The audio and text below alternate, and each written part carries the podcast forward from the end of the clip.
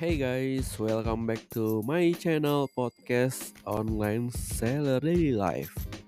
Masih bersama dengan gue Michael Kristiawan. Gue bakal bahas tentang podcast ide bisnis. Ide bisnis yang akan gue ceritain di episode ini berhubungan dengan F&B. F&B itu kepanjangan dari food and beverage. Jadi apa aja sih yang bisa kalian jual atau jadi bisnis sampingan gitu berhubungan dengan F&B gue bakal ceritain di podcast episode ini. Termasuk ya jualan online gue ya. Ini kan berhubungan banget sama F&B ya nanti akan kalian kalau mau dengerin ide-idenya jangan ke mana-mana tetap stay tune di podcast episode ini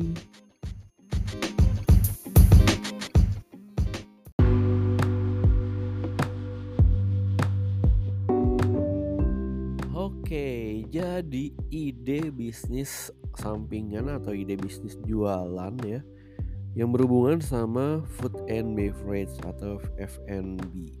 Kalian bisa temui di mana pun di pinggir jalan, di restoran, di ruko-ruko, di mall, di halte busway, di jembatan penyeberangan, di lampu merah itu semua berhubungan banget sama F&B bahkan di perumahan ada juga.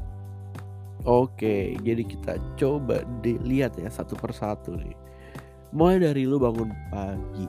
Dari bangun pagi eh, kalau gua nih gua kan nyeduh teh ya. Dan itu daily. Jadi gua kenapa jualan teh? Karena gue ngerasa produk teh itu diminum setiap hari. Dan itu habis. Dan gue harus beli lagi gue beli lagi. Kenapa gue nggak jualan aja?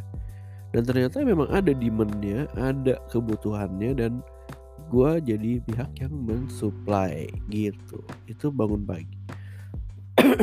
Terus selain itu pagi-pagi suka ada tukang roti lewat terus ada tukang bubur lewat gue pernah lihat ya di YouTube. Itu orang yang bikin pabrik roti rumahan itu gede banget. Gede banget pabriknya. Jadi mereka pabrik sederhana. Jadi bukan pabrik yang profesional ya yang kayak pakai mesin gitu enggak. Mereka benar-benar pakai oven sederhana terus ngadonnya juga sederhana dan dijual ke rumah-rumah naik gerobak sepeda. Benar-benar sederhana tradisional tapi bergerilya jadi menurut gue udah pinter ya. Mereka itu pakai modalnya cukup murah gitu. Tapi mereka punya banyak titik di beberapa komplek. Tinggal sewa rumah sederhana aja terus jadiin pabrik roti itu itu hebat sih.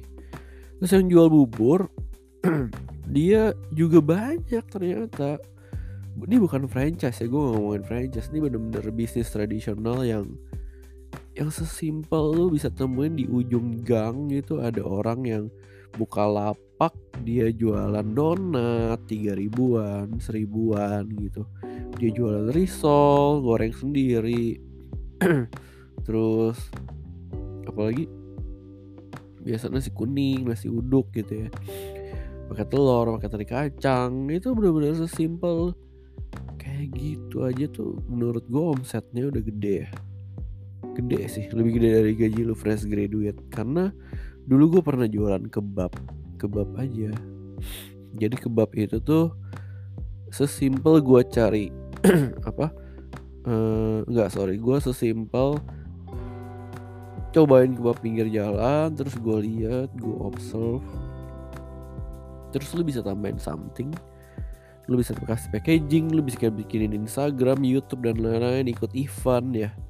Kalau kebab pinggir jalan kan biasa nggak pernah ikut event ya terus gerobaknya jelek gitu packagingnya juga kertas. Nah gue bikin packaging pakai kardus pakai maskot pakai logo pakai IG pakai promo masukin ke tok apa GrabFood GoFood Shopee Food. Sesimpel itu bisa jalan sampai 11 tahun. Kebab dan omsetnya menurut gue lumayan. Ini kita ngomongin omset ya.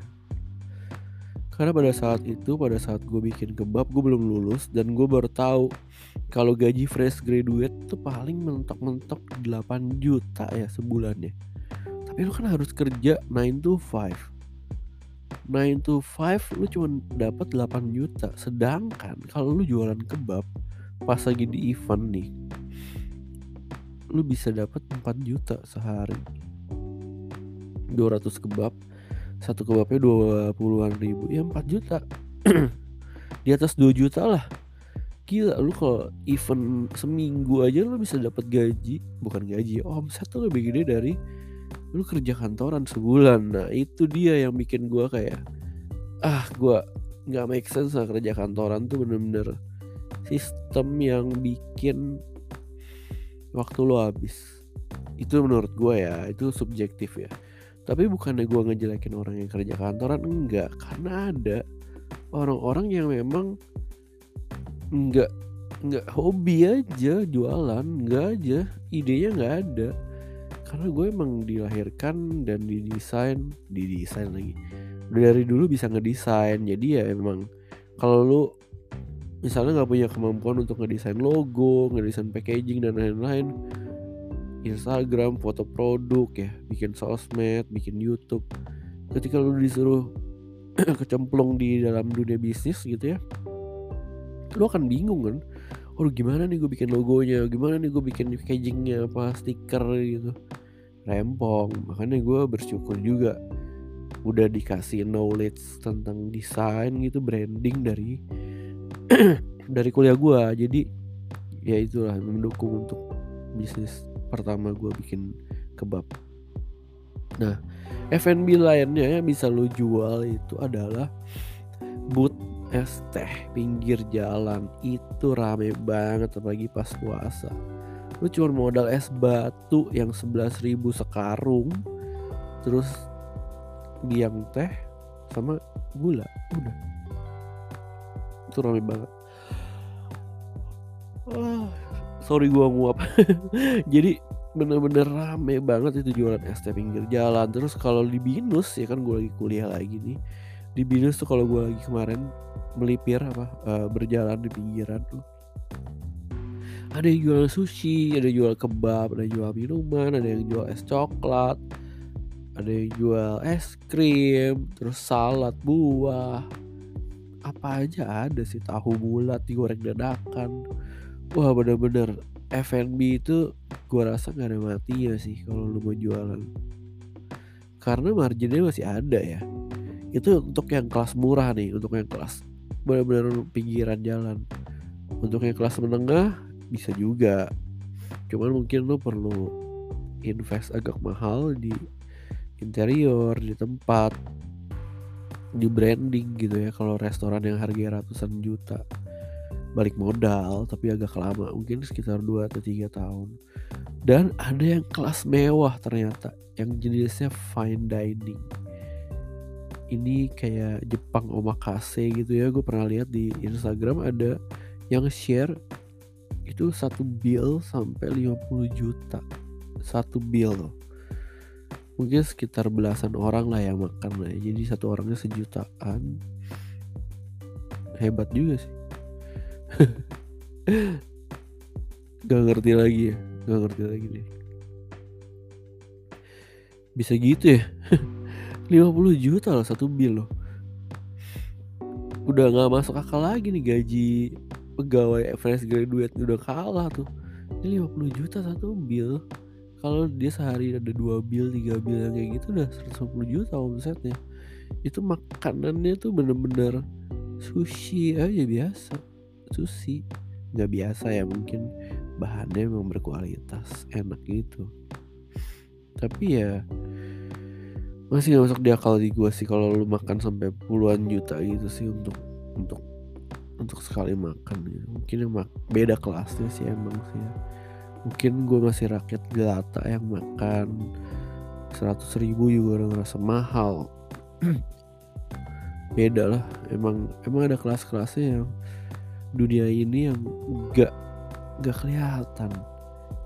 Gak ketahuan gak kedeteksi dari luar yang bisa beli hal-hal seperti itu tuh.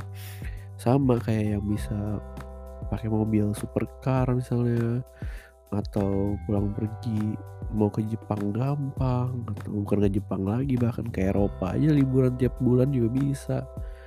Emang ada orang-orang yang kayak gitu sih? Ada sih. Ya itu sih yang mau gue ceritain tentang ide bisnis F&B bisa dari kelas murah mahal menengah. Apalagi ya ide bisnis F&B lainnya? Tadi kan lu bisa bikin bakery terus bisa jualan teh. Kalau gue kan jualan coklat juga jualan bahan kue tapi online ya.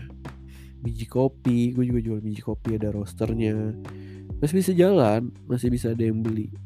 Jadi selama selama dunia ini masih membutuhkan orang makan selama orang masih berak berarti akan ada yang perlu dimakan. Gitu aja sih gitu. Oke. Udah.